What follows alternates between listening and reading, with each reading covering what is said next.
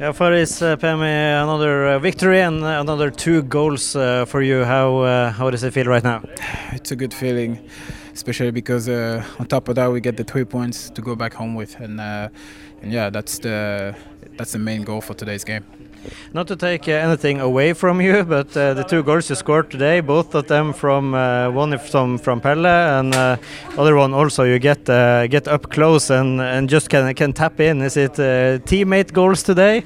Yeah, of course, it's always teammates' goals. Whenever you score, it's the whole team working. So it's never you cannot take the goal, the ball from your goal, and dribble everybody and, and score. This was uh, Messi's time, so yeah. But but uh, today it's uh, football is more modern that you need actually the whole team to work together in order to make that happen. And of course, uh, you anyway need to be at the right place at the right time to make those tapping goals.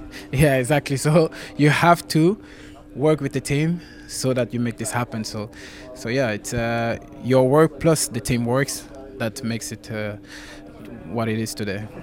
And uh, finally, amazing away support from the from the Bodø supporters today. How uh, how important was that for you out on the field? Uh, it's, it, it felt like home. You know, it's it's never we, we never feel like we're playing away. So they're always there cheering us, and and that's the most important thing for us. And that we want them to continue to do that, so that we yeah, we, we, we will continue to, to give everything for them. Thank you, Faris. Have a good trip home. Thank you.